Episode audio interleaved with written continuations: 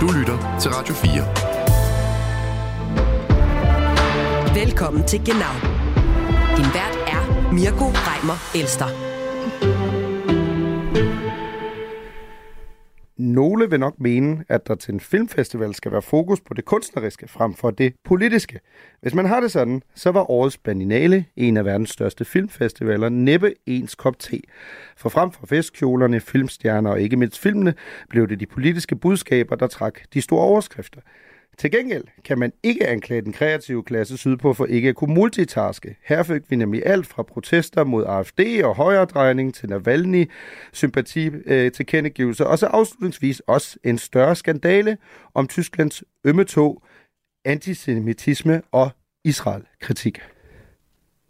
I ask one thing for Germany as I am in Berlin here to respect the UN calls and stop sending weapons to Israel. Ja, øh, er på engelsk, men øh, et jo et øh, råb om, at man øh, fra tysk side skal øh, kæmpe for, at der kommer en våbenhvile i krigen mellem Israel og Hamas. Sådan lød det blandt andet i takketalen fra de henholdsvis israelske og palæstinensiske instruktører bag filmen No Other Land, der vandt dokumentarkategorien. Og derefter brød helvede løs i Tyskland. Philip Ostrovich, Senior Research Advisor ved CBS. Du er tysker, en af mine yndlingstyskere, Ostrovich. Hvad tænker du umiddelbart om den her Berlinale skandale? Altså det er meget interessant, fordi alt det handler om Israel og Palæstina i Tyskland i øjeblikket, når det kommer op, og det er næsten lige meget, hvilket forum det er, i hvilken sammenhæng det er, så er der jo nogen, der muligvis siger noget, der kan skabe en skandale, enten på den ene eller på den anden fløj.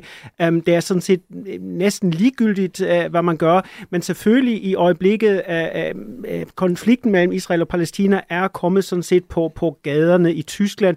Der er jo antisemitisme, øh, især i Tyskland, er et, et meget, meget øh, øm punkt, kan man sige, øh, på grund af vores historie. Mm-hmm. Og øh, vi bliver i Berlin, vi skal nok tale meget mere om, om det her senere, Ostrovich, men vi bliver i Berlin, øh, fordi tyske trængsler slutter ikke her. Tyskland er som bekendt blevet den suverænt største europæiske militære bidragsyder til Ukraine, men hvorfor har Scholz ikke sendt Taurus-missilerne mod øst endnu? Det skal vi også tale om, og så skal vi også ryge fed syd for grænsen, nu hvor Tyskland gør cannabis lovlig. Velkommen til Genau. Du lytter til Genau på Radio 4. Nå, Ostrovich, lad os øh, starte med at høre lidt mere fra den her takketale fra øh, ved Berlinalen. Vi hørte lidt øh, her allerede indledningsvis i udsendelsen, øh, og den endte jo med mildestaler for folks pis, øh, pis i kog. Øh, og den kickstartede også antisemitisme-debatten i Tyskland igen igen, som, som du var inde på. Øhm, lidt, lidt baggrund her, det er altså vinderne i dokumentarkategorien, øh, instruktørerne af filmen No Other Land, som handler om øh, noget så kilden som Israel-Palæstina-konflikten, øh, og de taler øh, her til, på, på engelsk, og først hører vi øh, palæstinensiske Basel Adra, og så til sidst den øh, israelske instruktør Yuval Abraham.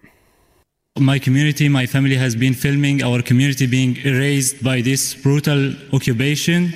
I'm here celebrating the award, but also very hard for me to celebrate when there are tens of thousands of my people being slaughtered and massacred by. I'm free to move where I want in this land. Basel is, like millions of Palestinians, locked in the occupied West Bank. This situation of apartheid between us, this inequality, it has to end. We ask how we can make a change to end the occupation, to move for a political solution. And we don't really have the answer, but I think one answer is for people to really stand up. There is a lot of powerful people in this room, there is a lot of ministers and, and people whose voices are heard. We need to call for a ceasefire, we need to call for a political solution to end the occupation. Der er, der er meget, øh, vi, vi skal igennem i forhold til den her del, men lad os starte med en, en kort opsummering. Som sagt er det først den palæstinensiske øh, instruktør, øh, som selvfølgelig takker for, for prisen, men også siger, at det er svært for ham at være her i Berlin, øh, mens øh, hans, hans egne folk, altså palæstinenserne, bliver, og det er det udtryk, han bruger, bliver slagtet øh, i, i, øh, af israelerne. Så får vi den israelske øh, instruktør på, der i, den her, i det her sammenklip blandt andet siger, at han, han fremhæver ligesom de forskelle, der er mellem på den ene side en palæstinenser, hvordan han lever, mens han som israeler kan bevæge sig frit. Og så den del, der selvfølgelig fylder meget, er et, han kalder det apartheid. Øh, det vender vi tilbage til Ostrovich. Og så kommer han jo med en tydelig politisk opfordring til, han siger, at der sidder mange magtfulde mennesker her i, i den her sal. I bliver simpelthen nødt til at gøre noget det, som vi starter med at snakke om Ostrovich, det er jo, at man kan også høre det, der er bifald i, i salen, og det er blandt andet der, at den her diskussion også går ind i den tyske debat, fordi øh, for det første er der nogen, der efterfølgende går ud og siger, at den her tale, eller de her to taler, de er antisemitiske, og så er der også kritiske kommentarer, fordi at nogen af dem, der står derinde og bifalder, øh, det er ret fremtrædende personligheder. Dem vender vi tilbage til. Men lad os til at starte med lytte til noget af den kritik, der er kommet. Vi har taget et udsnit her. Øh, den første, vi kommer til at høre, er Christian Gøjne, som er, er CDU-mand. Så har vi ARD's øh, kulturjournalist Maria Ozovski, og så har vi Reinhard Neumann fra SPD. Så lidt forskellige stemmer, der alle sammen er meget kritiske i forhold til den her tale, som vi lige har hørt en bid af. Die Festivalleitung äh, hätte sicherlich bei der Moderation vorbereiteter sein müssen, dass politische Statements kommen und es eine Möglichkeit gibt, darauf zu reagieren. Äh, das hat leider nicht funktioniert. Alles, was passiert ist, hat gezeigt, dass die Berlinale ein Riesenproblem hat, dass die ganze Kulturszene ein Problem hat, denn die Leute haben auch noch opportunistisch dazu geklatscht. Und jetzt, dem gestrigen, man muss schon sagen, Skalnalabend, wo steht die Kultur? Ja, lad os, lad os tage den fra den ende af. Øhm, Goyni fra CDU, han siger, at Berlinale burde have været forberedt på, at, at den her slags øh, kunne, kunne være sket. Øh, øh, der øh, kan man jo sige, vi har jo tidligere i det her program blandt andet talt om, at man jo igen øh, fjernede, eller i hvert fald bad øh, folk fra AFD, Højrefløjspartiet, som man havde inviteret, om ikke at komme alligevel, fordi der var en protest. Øh, han siger så i den her sammenhæng, at man skulle have været forberedt for, at der kom en eller anden form for politisk statement, øh, og man skulle have overvejet, hvad man så skulle have gjort. Øh, det kan vi tale om lidt, Ostrovich, hvad det så skulle have været i praksis. Øh, så har vi Ozovski, kulturjournalisten fra AD. Hun siger, at øh, hun gør det meget bredere. Hun siger, at det er ikke kun et balinale problem, det er et kultursceneproblem øh, i, i Tyskland, og hun hæfter sig især ved noget af det, vi også skal tale om, nemlig at der er jo en masse mennesker, der bifalder øh, det her, og det mener hun er dybt problematisk. Og så til sidst siger Neumann fra SPD, at øh, han er egentlig også, han kalder det en, en skandalarm. Han mener simpelthen, det er skandaløst. Men, men Ostrovich, der er mange ting her. Lad os starte med, Berlinale er en international filmfestival, en, som er sagt en af verdens største. Og man kan vel grundlæggende stille sig det spørgsmål, hvorvidt det er et problem, når gæster, der kommer fra andre dele af verden, øh, kommer med deres synspunkter om de emner, der nu ligesom fylder noget i, i, i den, øh, både i verden, men også det, man diskuterer i Tyskland. Her er det så Israel-Palæstina, især siden 7. oktober og Hamas' angreb. Hvorfor er det, at det bliver så stort et problem, når der står to kunstnere på en, på en scene og har deres holdninger? Man kunne vel også bare sige, fint, så har de haft deres to minutter, og så videre i teksten. Øh, jeg er helt øh, enig. Problemet er bare, at alle de arrangementer, øh, blandt andet Berlinale, er jo støttet af tyske statspenge. Og den her debat, og for, for at sige det lige ud, det her, det handler så i, i min optik ikke om Israel og Palæstina, det handler om Tyskland. Og det handler om tysk selvopfattelse, og det handler om antisemitisme i Tyskland. Og hvis man riser baggrunden lige kort op, altså det har været over 250 antisemitiske hændelser allerede i år, mm. som er officielt er blevet... Ikke på Berlinale dog. Nej, ikke kun, altså, men, men hændelser, og der mener jeg, for eksempel har man har nogle sprøjte graffitier med en såkaldt jødestjerne, som man brugte i nazitiden, øh, på nogle af bygninger, hvor der bor jøder og sådan noget, og det kan man selvfølgelig ikke acceptere i Tyskland på grund af vores historie, det er bare sådan noget, det kan vi acceptere. Det kan vi ikke acceptere både som, som, som borgere, men også fra statens side. Når nogen kommer udefra og fortæller noget om, de mener på et arrangement, det synes jeg sådan set uh, skulle være dækket ytringsfriheden. Jeg mm. synes, det vil være rigtig godt at diskutere det. Men her er der statspenge involveret. Og så bliver det problematisk. Bliver det anset som om staten understøtter nogen, der udtaler sig i nogens ører antisemitisk, uh, antisemitisk. Og, og det er jo meget kompliceret. Og så havde vi også tilfælde af den tyske uh, kulturstatsminister. Kultur er normalt baseret på delstaterne, men vi har også en kulturstatsminister, som arbejder for, for den tyske regering. Hun hedder Claudia Roth, er fra De Grønne, og hun klappede faktisk, da de mm-hmm. udtalte sig. Og så bliver der sagt, jamen hvis en kulturstatsminister, det vil sige en repræsentant fra den tyske stat, klapper, til det her, betyder det ikke, at staten er så enig med, med, med, med det synspunkt. Men hun sagde så bagefter, nej, men hun klappede kun for den israelske person, altså den, palæsti- den første person, palæstinenseren, der klappede hun ikke, men hun klappede for den israelske øh, person. Og så bliver det jo fuldstændig øh, vanvittigt. Altså, der er også andre arrangementer, og det er også vigtigt, fordi hvis mm. man skal hele kontekst, der er også mange andre arrangementer, der bliver aflyst. For eksempel øh, Akademiet for Sprog og Litteratur. Øh, det er en meget, meget stor, vigtig organisation, meget prestigiøs, meget sådan, sådan fornemt. De havde øh, nogle arrangementer, og især et, et, et dags øh, arrangement, hvor de frygtede, at to af de mennesker, de havde inviteret før krigen begyndte, med palæstinensisk baggrund, at de kunne sige noget pro-palæstinensisk øh, på den forkerte måde, så har man aflyst hele arrangementet. Og så bliver det selvfølgelig lidt vanvittigt, øh, at, at man fuldstændig, øh, at man ikke formår at føre en debat. Jeg synes, at det ville have været uh, helt fint, og det har faktisk Berlinale-ledelsen også gjort, går ind og siger, jamen vi kan jo se begge sider. Og det synes jeg også personligt i den konflikt er, er, er meget vigtigt, og det peger man også tit på, når vi har den her debat. Når man siger noget om, man slagter palæstinenser, så må man også gerne sige noget om Hamas, der slagter jøder eller øh, folk i Israel. Så, så at, at man i det mindste ser, ser begge sider, og jeg tror også, det er her, hvor kritikken af de to øh, øh sådan set hæfter sig ved. Mm. Men det er vel også, det, det vender vi tilbage til, Philip, det er vel også fordi, vi er i sådan en, et mærkeligt sted imellem, at noget af det er kunstnerisk frihed, og noget af det er, øh, som du også siger, det er ytringsfrihed.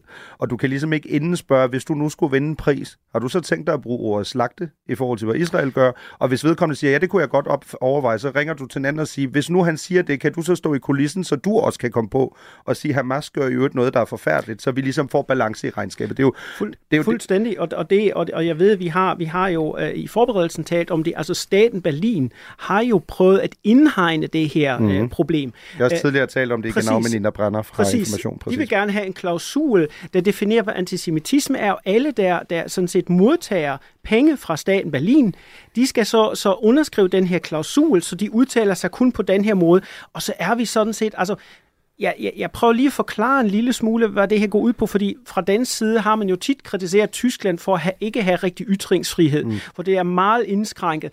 Og her bliver det jo mere og mere sådan set absurd. Altså hvis man, hvis man især inden for kultur, hvis man laver nogle arrangementer, og folk må ikke udtale sig frit, og jeg taler ikke om racistiske, eller, eller folk, der siger, holocaust har ikke fundet sted, eller sådan nogle ytringer. Men jeg taler sådan set nogle ytringer, der præget er ens eget baggrund. Hvis det ikke er muligt mere, så bliver det jo lidt problematisk. Men tror du ikke også, det er også derfor, vi man kan sige, starter lidt i helikopteren, inden vi går tilbage til Claudia Roth, og, øh, altså kulturstatsministeren, øh, som du kalder hende, øh, og så Kai Wegner, som er borgmester i, i Berlin. Tror du ikke også, at noget af det, som jo er centralt, du siger det jo også, det handler, det handler i høj grad, det er sådan nærmest meget tysk, kliché-tysk, men det handler om penge. Hvem betaler pengene?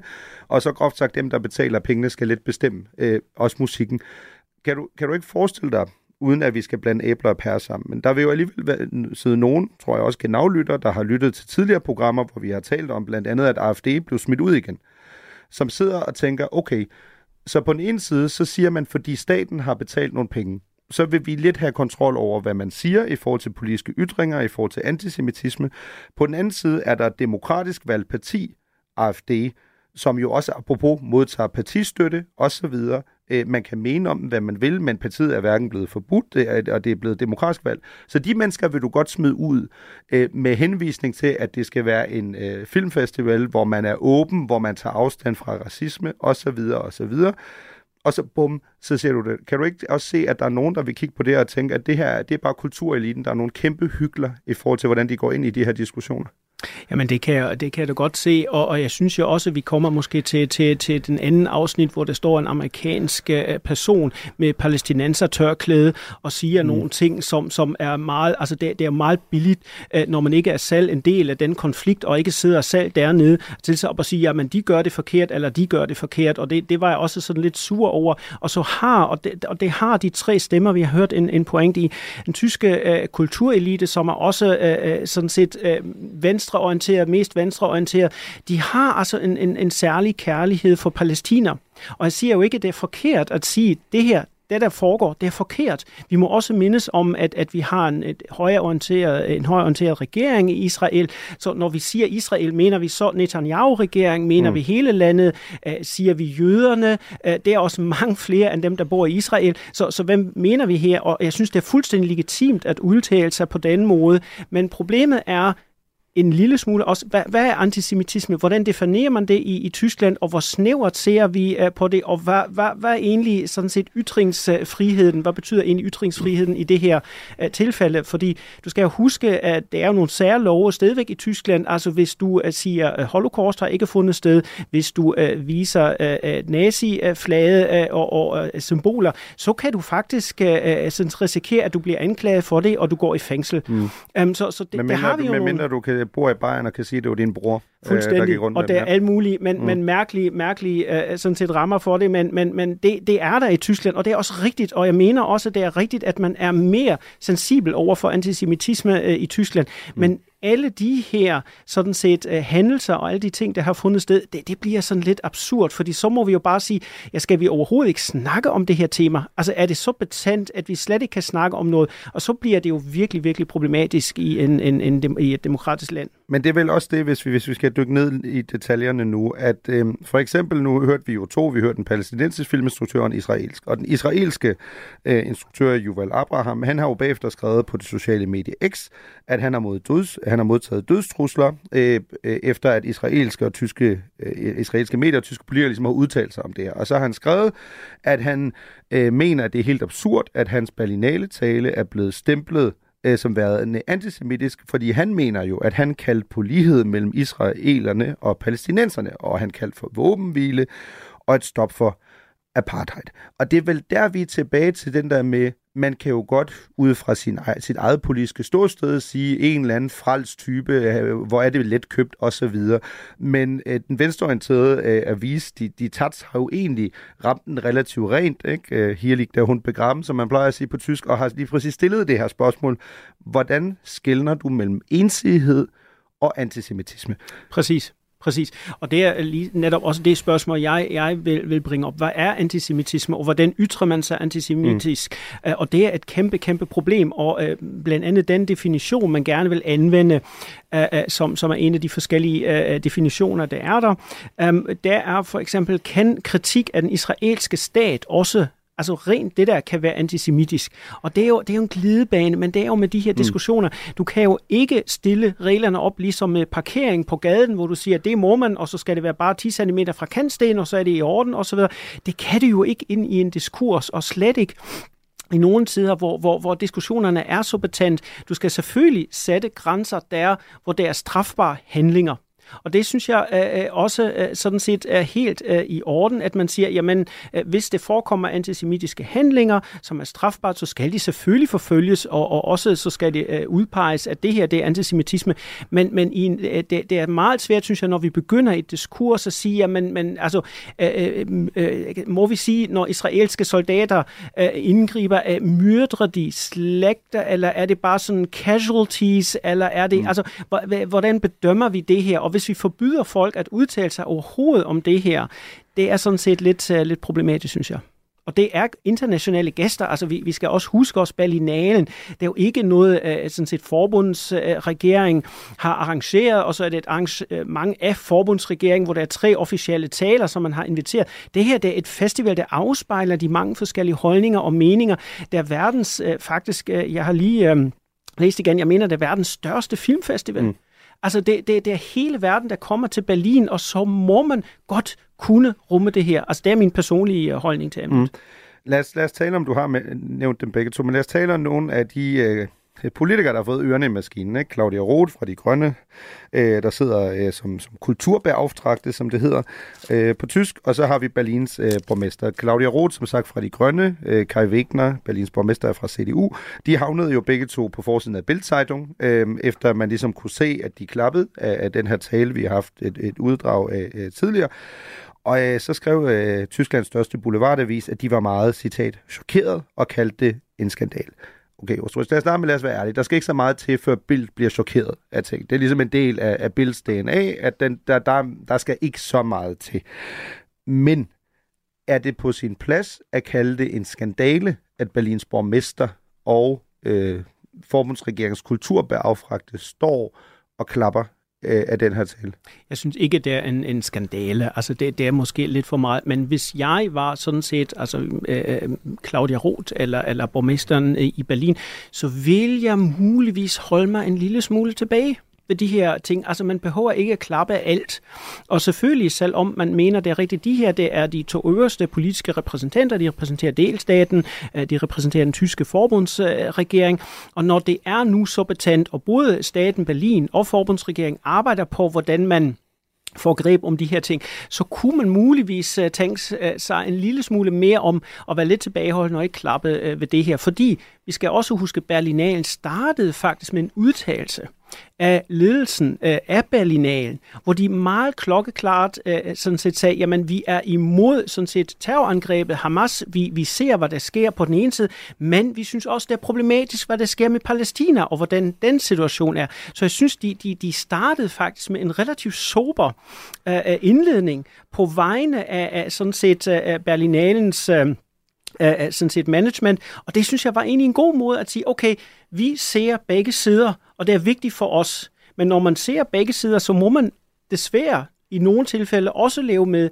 at der kommer nogen, der har kun ser den ene eller den anden side, mm. og så må man give plads til det.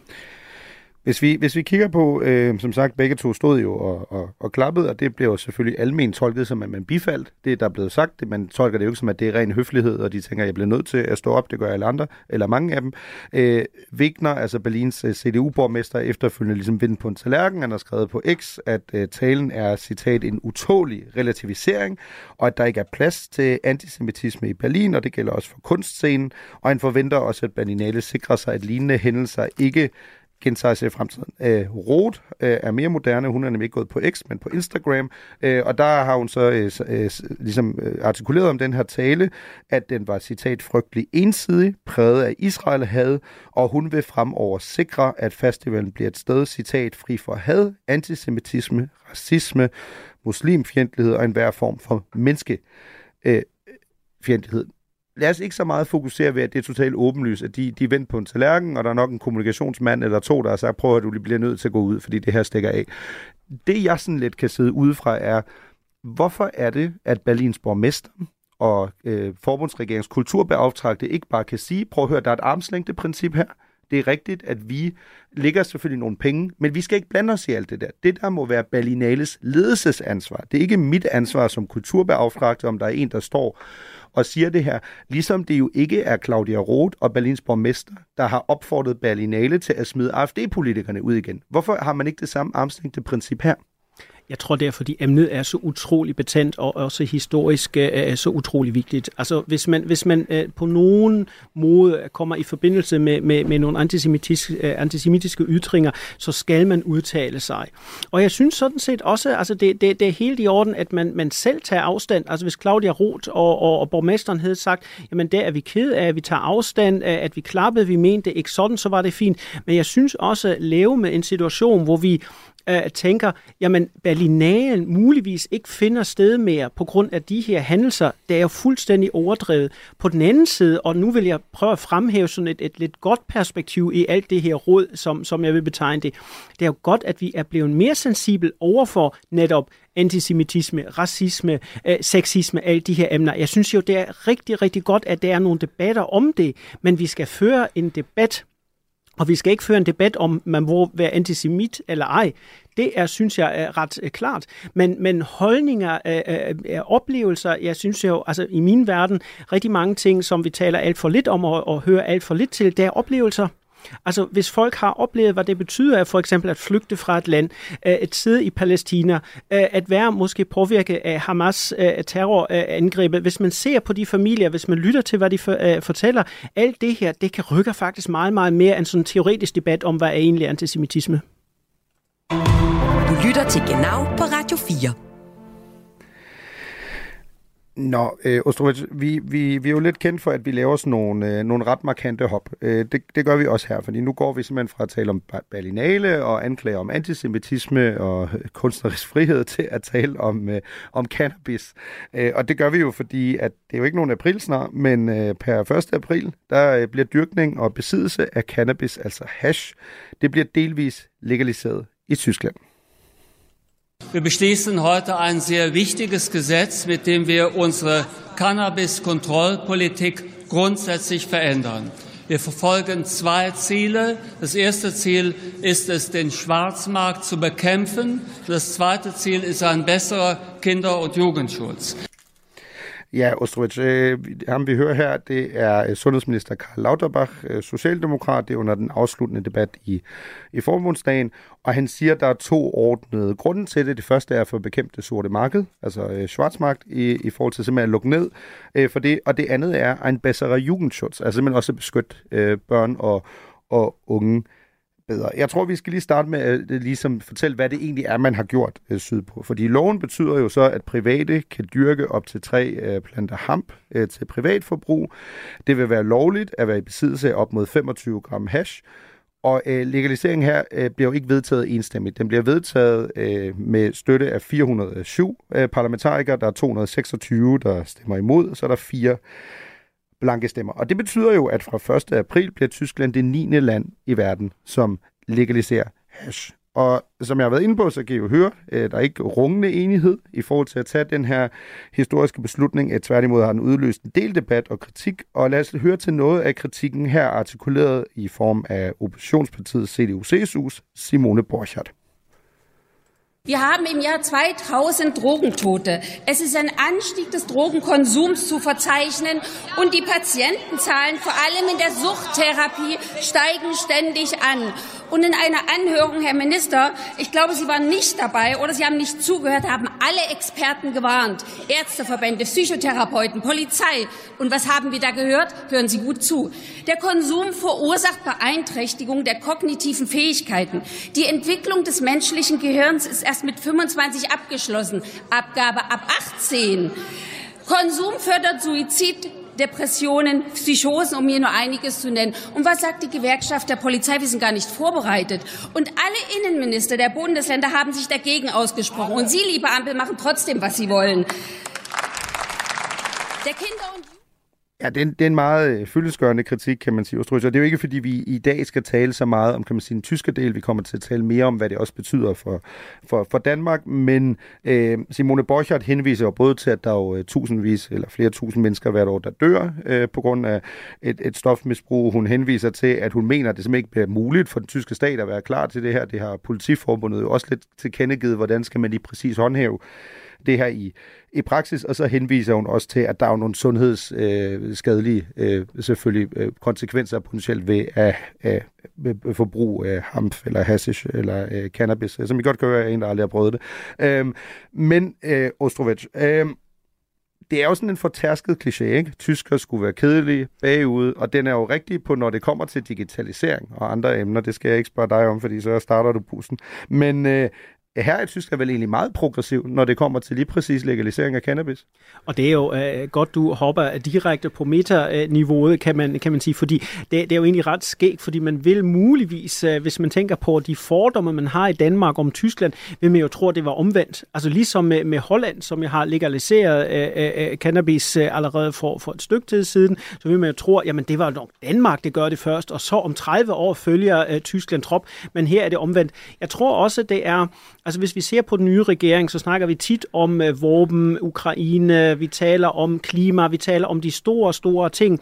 Men man skal ikke øh, øh glemme, at det er også en øh, regering, der står for et nyt samfundssyn. Øh, så, så det står for et mere uh, sådan set venstreorienteret samfundssyn. Vi har også set ændringer i navneloven, uh, i kønsloven, alle mulige ting, der, der peger på en, en lidt mere, hvad kan man sige, afslappet uh, tilgang uh, til, til de her emner.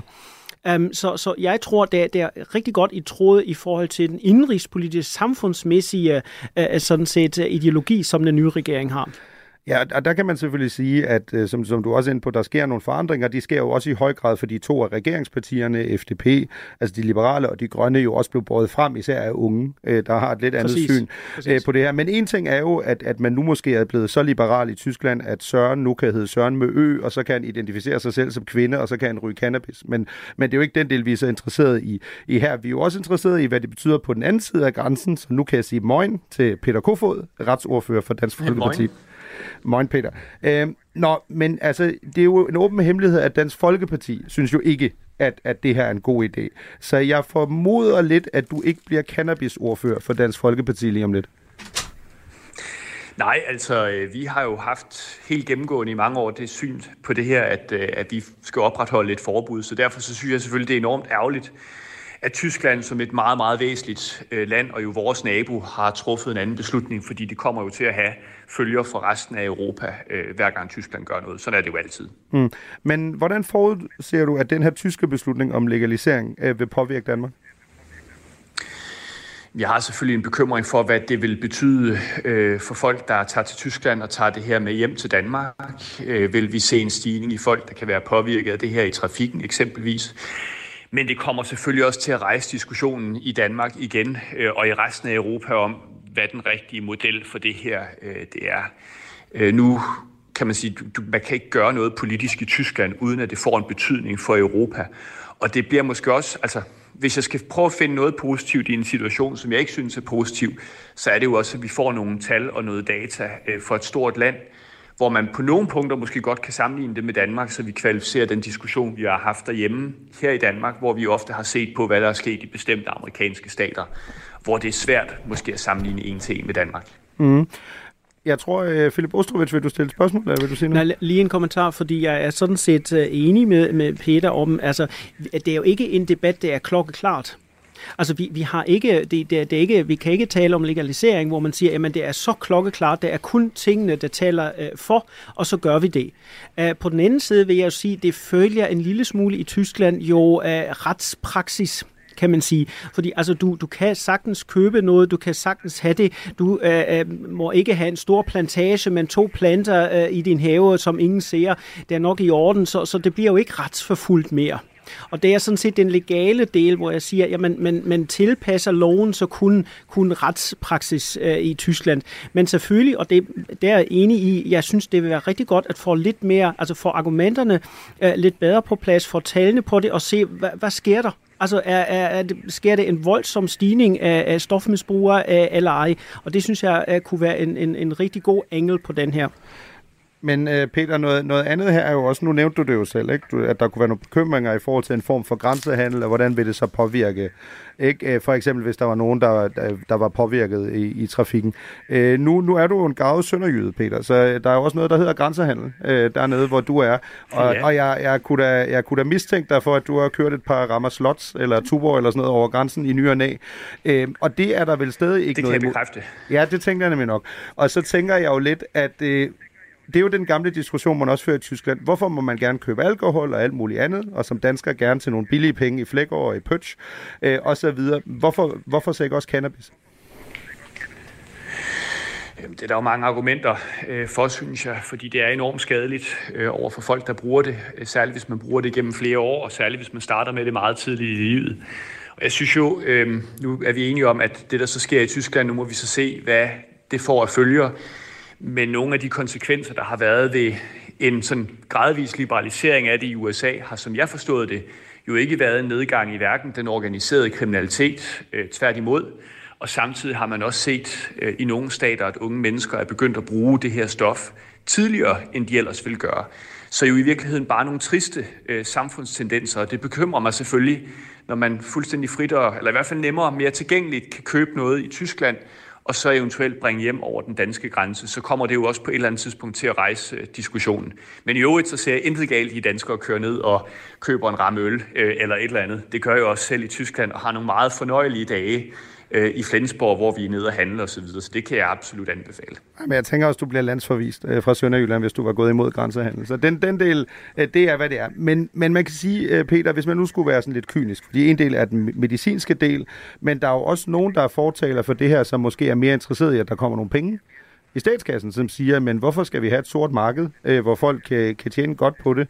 Øh, hvorfor skal staten ikke stå og administrere det her, og så tage de penge i stedet for? Det er jo også øh, en mulighed, det ser vi også på, øh, på, øh, på tobak. Øh, og det er måske det eneste, der kan være positivt, det vil være, hvis staten kan vride øh, nogle penge ud af det. Men jeg mener også, at staten har en eller anden form for moralsk forpligtelse til øh, at sige, hvad, hvad vil vi egentlig anbefale for vores borgers liv? Er det, at, øh, at man skal ryge cannabis, eller lade være med det? Og der vil jeg så klart anbefale, at man lader være. Så der ligger også et væsentligt signal i, hvad man forbyder.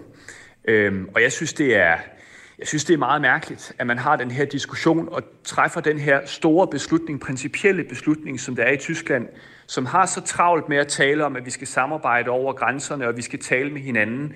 Og mig bekendt har det her ikke været noget, hvor den tyske regering øh, har spurgt landene omkring, hvordan ser I på det her øh, problem, som jo kommer til at skabe nogle grænseoverskridende øh, udfordringer. Men hvis vi gør noget i Danmark, som tyskerne kan have en holdning om, så skal vi jo altså høre øh, på det øh, og finder os i moralsk fordømmelse for tid til anden. Så jeg synes måske godt, at den tyske regering kunne have vist et større hensyn, øh, om ikke andet, så i hvert fald taget en bredere debat med landene omkring sig. Okay, så der kan man sige, der er du sådan relativt klar, fordi jeg kan jo høre, at du er sådan lidt splittet mellem, hvorvidt man skal få nogle jyske dollars ind i forhold til at, at legalisere, men omvendt er der ligesom nogle medicinske øh, faktorer. Noget andet, som jeg også vil høre dig på, Peter Kofod, er jo, at loven jo også betyder, at øh, man kan have større, og men ikke kommercielle produktioner, og det vil være tilladt for folk, der så slutter sig sammen i såkaldte hashklubber. Og i de her hashklubber, de må højst have 500 medlemmer, og det skal være myndige voksne, og det er kun øh, klubmedlemmer, der kan få bruge øh, de her dyrkede varer.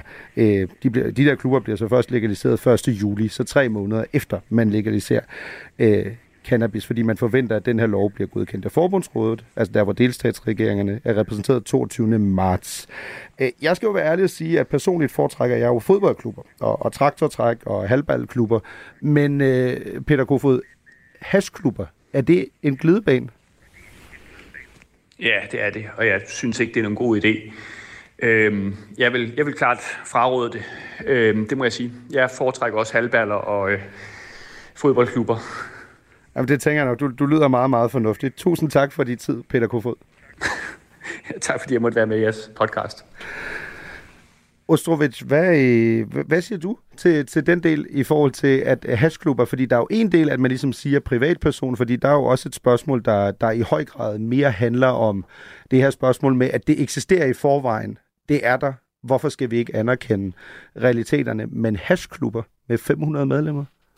Jamen, det er jo en måde at organisere tingene. Og jeg vil også sige, at jeg er jo ikke øh, kendt som, som en udbredt law and order øh, person her, øh, og heller ikke sådan set politisk. Men her har jeg, synes jeg, det er en pointe i, og jeg synes også især, når man kigger for eksempel på alkoholproblematikken i Danmark. De unge i Danmark drikker som aldrig før. Vi har et kæmpe alkoholproblem her i Danmark, vil jeg sige.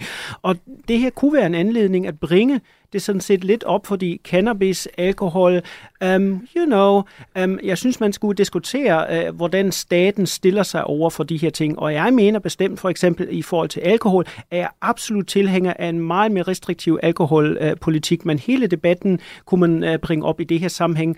Og så uh, som, som slutning af det her, jeg synes jo, det er en, en faktisk ret sjov uh, idé om, at man har en pusher street uh, i uh, Flensborg, så danskerne tager derned, ligesom man i 70'erne 80'er købte porno uh, i Danmark, hvor det var de der porno pornobutikker på den anden side af grænsen, fordi det var ikke legalt i Tyskland, og nu gør man det omvendt med cannabis. Det er jo ret sjovt.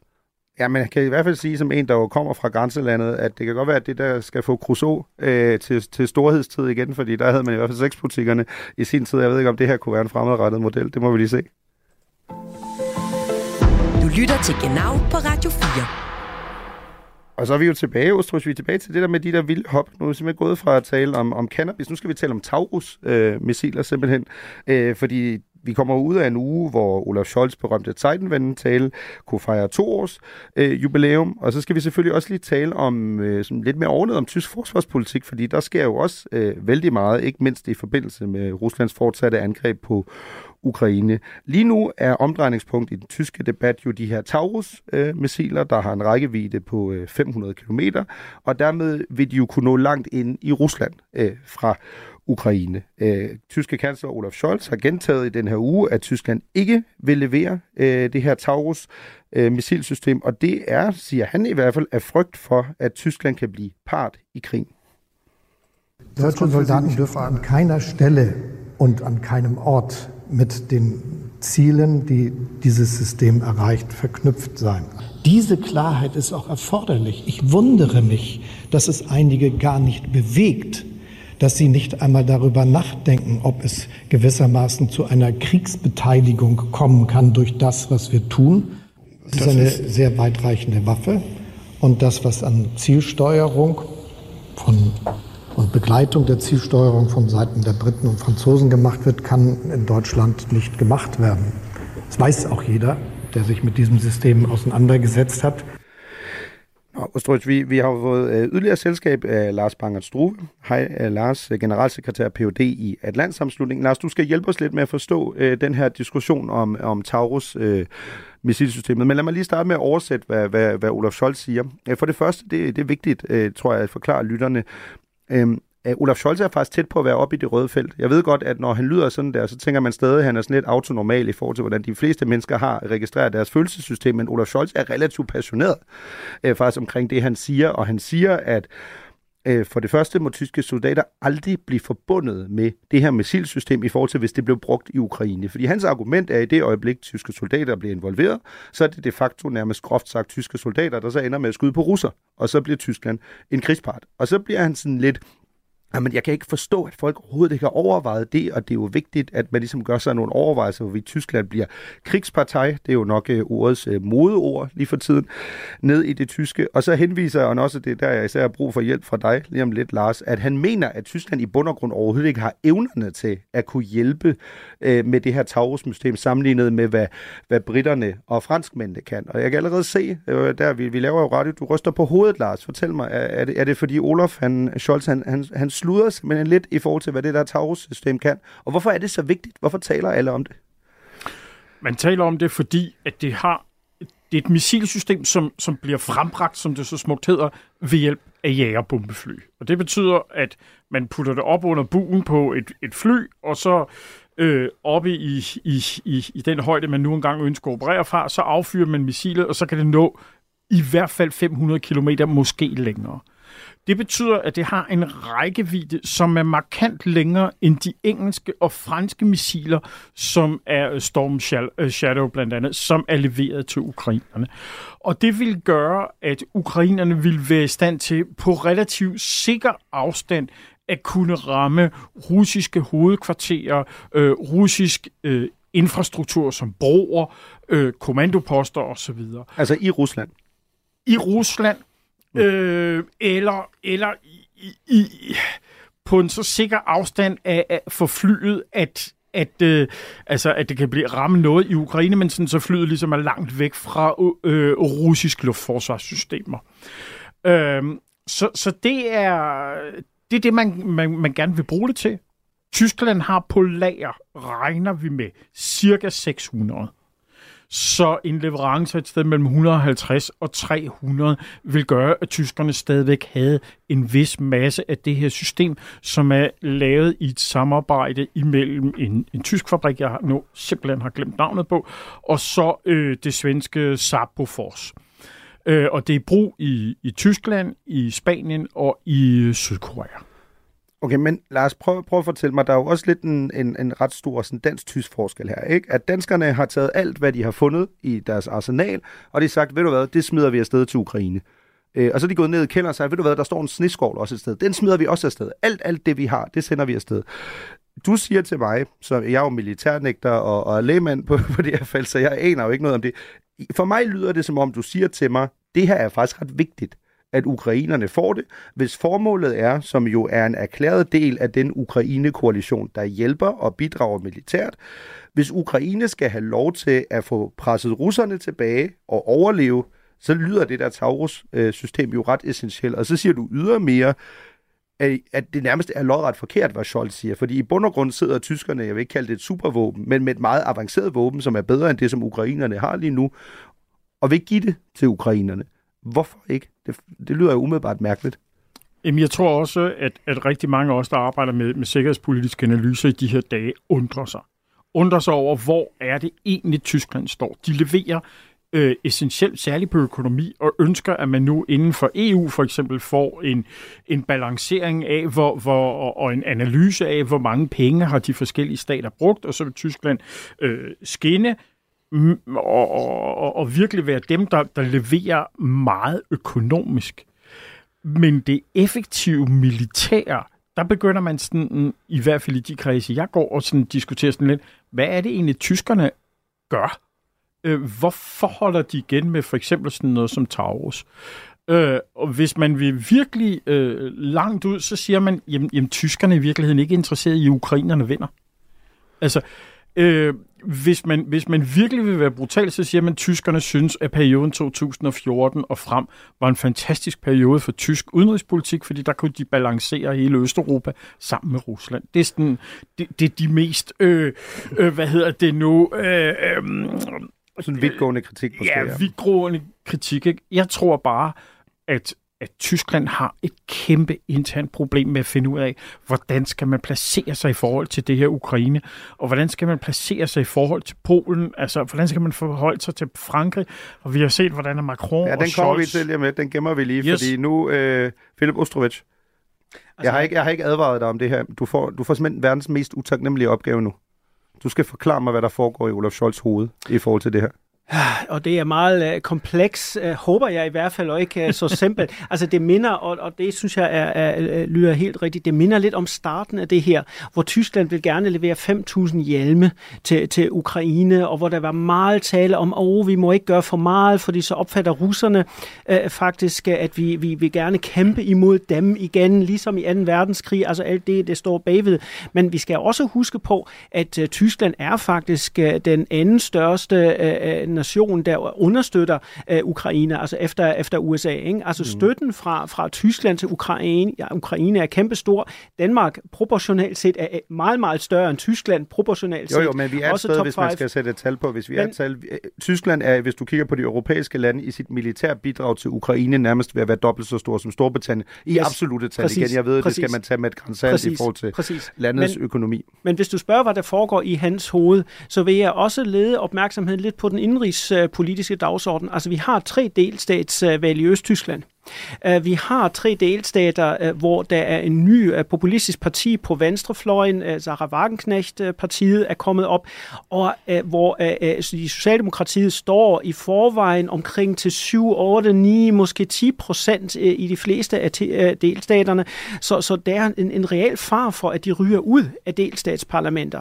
Så må man selvfølgelig tænke lidt over, hvor anti-russisk man stiller sig op. Så, så narrativet om, at, at vi gør alt imod Rusland, det skal man måske dæmpe lidt, fordi også i sit eget parti har Scholz faktisk en bagland. En af hans uh, mest uh, kendte rådgiver, uh, der er Stegner, Ralf Stegner fra Slesvig-Holsten. Han er faktisk uh, tilbage uh, i tiden. Han er fra de mere pro-russiske dele af SPD, venstrefløjen mm. SPD, der er meget, meget tilbageholdende med at stille sig sådan helt klart op og siger, det er øh, vores, øh, vores fjende, og vi skal gøre alt, vi kan, ligesom, ligesom øh, man har gjort i, i Danmark for at understøtte øh, Ukraine. Så der er Scholz også sådan mm. set... Øh, øh, øh, jo, og så taler set... Scholz vel også, det er jo ikke fordi, det skal blive en historietime, men, men nu har vi jo en, der er arbejdsskadet, der har skrevet en PhD om østpolitik under den kolde krig. Øh, og noget af det går vel også langt tilbage i historien i forhold til bare, bare tilbage til 70'erne, 80'erne, og den her frygt på, at hvis NATO for eksempel bare opruster, så vil det blive opfattet som om vi truer dengang Sovjetunionen, nu Rusland men det er vel også den her fredsbevægelse, som han taler ind, fordi Olaf Scholz, der jo apropos stod og demonstrerede dengang øh, mod øh, det, man kalder NATO's dobbeltbeslutning, Scholz ved jo udmærket godt, hvad han gør i en tysk kontekst, når han begynder at tale om, at man skal være øh, fredsparti og har ikke tænkt over og så videre. Ikke? Og i Østtyskland spiller det en, en, en endnu større uh, mm. rolle, at, at man har stadigvæk den der følelse af venskab uh, med Rusland. Men, men jeg tænker altså, Olaf Scholz hjerne og, og sådan set udenrigspolitik og, og militærpolitik, det kunne vi fylde en helt time med. Altså også sådan set diskussion med Macron, som vi kommer ind på uh, lad os lidt tage, senere. Lad os tage nu, yes. fordi den er vældig interessant du har også været inde på det øh, allerede, Lars, fordi man kan sige, nu vi disku, tyskerne diskuterer stadig uh, øh, Taurus-missiler, ikke? og uh, Macron, han er bare allerede, han er videre i teksten allerede, ikke? han er gået fra Taurus-missiler til at sige uh, på Ukraine-konferencen i denne uge, at han ikke vil udelukke tropper i, i Ukraine. Øh, og det har Scholz selvfølgelig også reageret på, øh, sådan her på sine sociale medier øh, i torsdags. Die NATO ist und wird keine Kriegspartei. Dabei bleibt es. Wir wollen nicht, dass der Krieg Russlands gegen die Ukraine zu einem Krieg zwischen Russland und der NATO wird. Darüber sind wir uns mit allen unseren Verbündeten einig. Das bedeutet auch keine deutsche Kriegsbeteiligung. Um es klipp und klar zu sagen, als deutscher Bundeskanzler werde ich keine Soldaten unserer Bundeswehr in die Ukraine entsenden. Das gilt, darauf können sich unsere Soldatinnen und Soldaten verlassen. Und darauf können Sie sich verlassen. Lars, det er jo blandt andet derfor, vi også gerne vil have dig med. Fordi en ting er, det er ikke fordi, det skal handle for, helt kun om Macron. En ting er, hvad han gør, når han siger det der i forhold til, til Putin, altså Macron. Men hvad for et signal sender Macron øh, til Tyskland? Øh, jeg er faktisk ikke sikker på, om Scholz kan fransk, men tænker du ikke, han har tænkt mon Dieu, da, da han hørte det her, da, da Macron begyndte at tale om øh, tropper i, øh, simpelthen tropper i øh, Ukraine lige pludselig? Jeg tror, det er meget svært at vide, hvad det er, at, at Macron og, og Scholz egentlig har sagt til hinanden.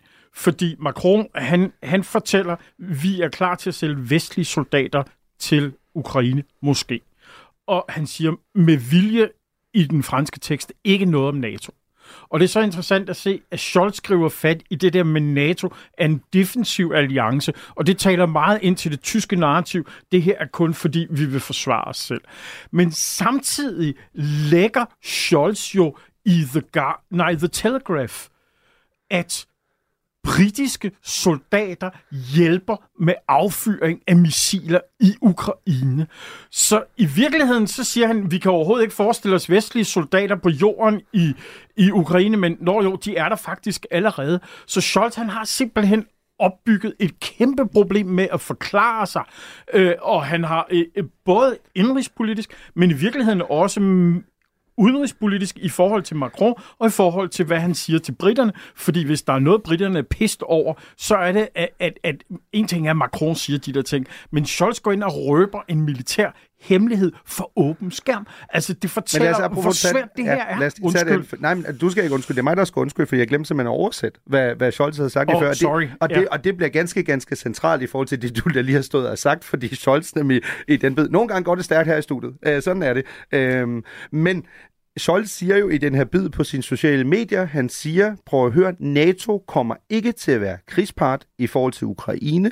Og så går han endnu længere og siger, jeg kan love, der kommer aldrig, mens jeg er kansler, til at være tyske soldater i Ukraine. Det kan jeg forsikre soldaterne og den tyske befolkning om. Det er jo en et indrigspolitisk budskab. Mm. Men den bliver jo lige præcis interessant, når vi så finder ud af, at han fortæller, at britterne gør det. Fordi så kommer han jo i et dobbelt problem. Fordi hvorfor kan britterne gøre det, men tyskerne kan ikke gøre det, så er man jo ikke lojal i sidste instans, måske i NATO-samarbejdet. Det har tyskerne jo en interesse i, Ostrovich. Det, det begrunder han med, at britter og franskmænd, de kan gøre noget andet, end Tyskland kan på grund af historiske grunde. Men, men jeg vil da råbe til, til, til Olaf Scholz, altså nogle gange er det bedre at holde kæft.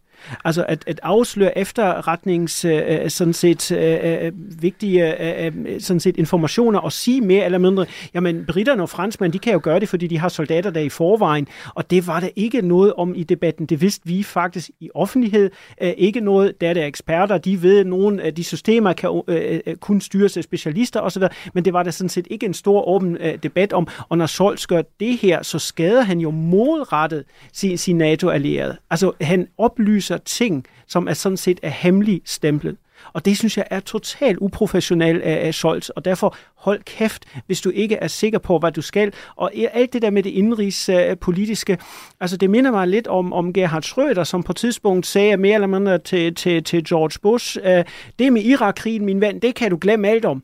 Og det var jo ikke, fordi uh, Gerhard Schröder var pacifist, men havde, mm. en, han havde et valg at vinde.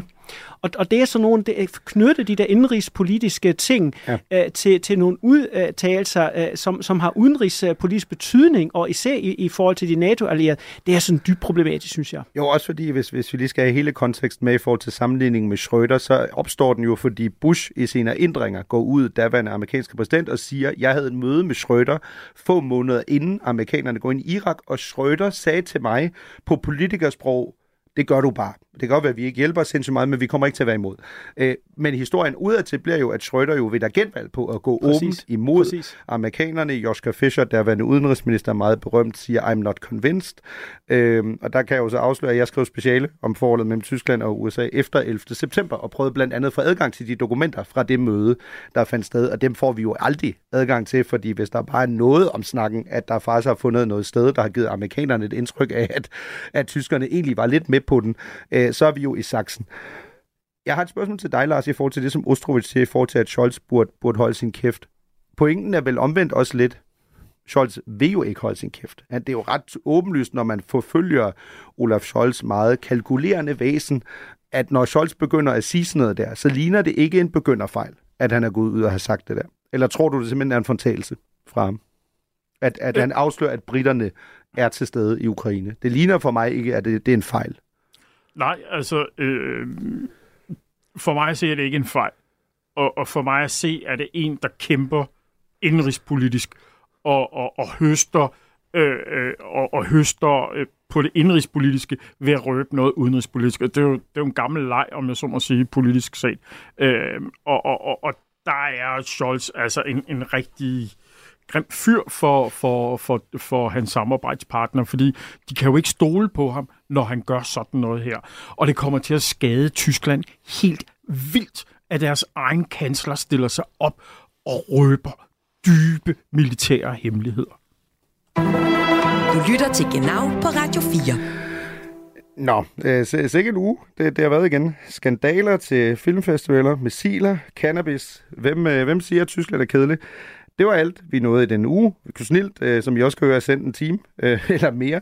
Øh, nu med alt det, der foregår øh, nede sydpå. Dankesøen til ugens gæster og til retlægger Anne Dorte Lind. Ostrovich, jeg har et afslutningsvis et spørgsmål til dig. Ved du egentlig, hvad de grønne brille er? De grønne brille? De grønne briller, altså er det den brille, øh, folk fra det grønne parti har på, eller klimabrillen? I don't know. Det, det er tæt på, Ostrovich, men jeg kan godt høre, at du har været en pæn dreng, da, da du var yngre, fordi de grønne brille er nemlig det, man siger, når man ryger øh, cannabis. Kan jeg fortælle dig, øh, eller hash? Ein so, ein so, Mikrofon, check. Hier kommt der Typ, der meist viel zu stone rap. Ihr habt ihn am Mikro. Du har lyttet til en podcast fra Radio 4. Find flere episoder i vores app, eller der, hvor du lytter til podcast.